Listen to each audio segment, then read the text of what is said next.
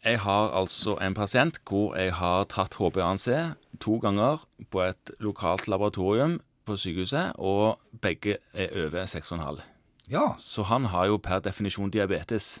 Du Kristian, hva gjør jeg med altså Skal jeg bare si nå må du eh, gå tur og spise sunt? ja, hvis du har lyst til å drive engelsk behandling fra midten av 70-tallet, så gjør du det. Du må gjøre litt mer enn det. Men det er veldig forståelig at det spørsmålet blir stilt, fordi det er jo litt uklart. Det første en må gjøre, er jo å lære opp pasienten i hva diabetes er for noe.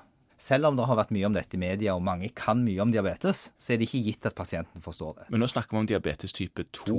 Så det aller første er at du må ta pasienten inn, Mm. der du må lære dem litt om hva diabetes er, og så bør du lære dem litt om blodsukkeret, og så bør du starte den viktigste delen av behandlingen. Og det er levevaner, kosthold og mosjon. Der kan de fleste pasienter gjøre mye. Veldig mange pasienter som du allerede har utreda for diabetes fordi Ja. du lurer på om de hadde det, Ja. de har levevaner som ikke er helt heldige. Det gir de en risiko. Ja, så de trener for lite og spiser feil. Eh, Og det må man da enten skaffe seg kompetanse på selv, eller på en måte få hjelp til, få motivert de til å endre.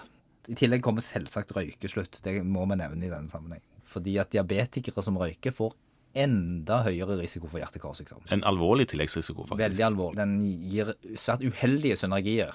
Sånn Så moralen må jo være at dersom du røyker, må du ikke finne på å få diabetes. Nei, dersom du røyker, så er det mye du ikke må finne på, men det er en annen sak. Du kan bare kutte ut røyken, kanskje. Ja, det er jo ofte en Men nå er vi på billigspor. beste løsningen.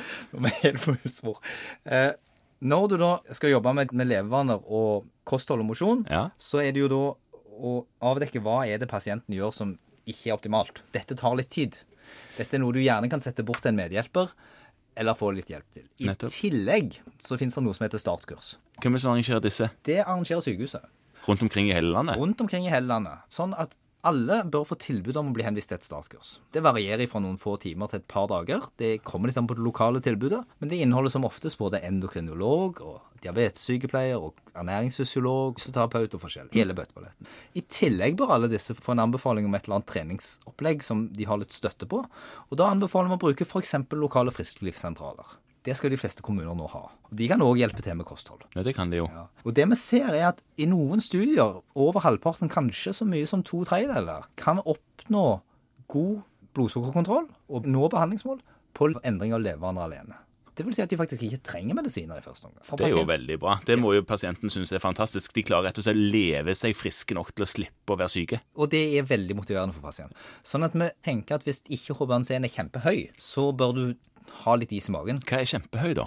Hvis den er over ti, da er nok blodsukkeret så ofte såpass høyt at de har symptomer av det. Og da bør man gjøre noe mer drastisk med det. Ja, Hvis ikke vente på at de spiser sunt og eller trener litt mer. Nei, men eh, hvis du tør å gjøre litt eksperimenter med dette, så Ja. vil du se at det faller fryktelig fort. Og i den forbindelse så bør du òg lære disse pasientene å måle sitt blodsukker. For noen av de kan synes det er veldig motiverende å si at når jeg spiser sånn, eller trener sånn, så synker det eller stiger det slik og sånn. Og det er det mye god læring i. Vi anbefaler de ofte å ta en døgnkurve et par dager. Rett og slett måle så hyppig at de klarer å plotte en kurve. Ja, da, da holder det ofte at de måler rett før og to timer etter måltidene sine. Og så får de veldig god oversikt over hva som skjer for noe. Så, så det er veldig spennende. Da er det sånn at behandlingsmålet nå i de nye retningslinjene, friske, ellers friske type 2-diabetikere, det er omkring syv. Og grunnen til det er Ja. at det er ingen som helst dokumentasjon for at det er mye bedre å ha 6,9 enn 7,1. Men er det ikke absolutt best å ha under 6,5, for da har du jo per definisjon ikke Det diabetes? aller beste er under 5,8. Ok, ja. Men det er bedre jo lavere du er. ja. Men det vi ser er at motivasjonsmessig, det å komme inn og være mislykket fordi jeg har 7,1 i HBNC, det gjør noen ting med oss som mennesker. Og all den tid vi Det er prøveusikkerhet, det er massevis av ting. Så er det mye viktigere å si at ja, men vi skal ligge her rundt 7. Så hvis du har kommet deg fra 8,5 til 7,2, så er det Ja. kjempebra. Og hvis den er 6,8 neste gang, så er det kjempebra. Og hvis den er 7,2 gangen etterpå, så kan det være helt tilfeldig. Det er fortsatt kjempebra. ja. Det er jo en biologisk varians her. Det er det. Det trenger du kanskje ikke å snakke så mye om, for det skjønner folk flest lite av. Det, det skjønner, skjønner ofte jeg lite av. Sånn at det viktigste her er på en måte at vi prøver å bidra til positiv motivasjon hos pasienten. Så få det ned der, rundt syv. Hvis du med kosthold og mosjon alene får det ned under 6,5 og kanskje ned under 6, så er det fantastisk. Ja, det er jo helt Det er fantastisk. superbra. Da har du jo per definisjon ikke diagnosen lenger. Nei, det har Bortsett fra at de jo du har det, da. Det har du nok. Men, men, men, men, de har i alle fall veldig lav risiko for utvikling av komplikasjoner. Det er akkurat det du har. Ja. Da forsvinner nesten hele risikoen. Og da pleier jeg å si til mine at nå har du i praksis trent deg frisk.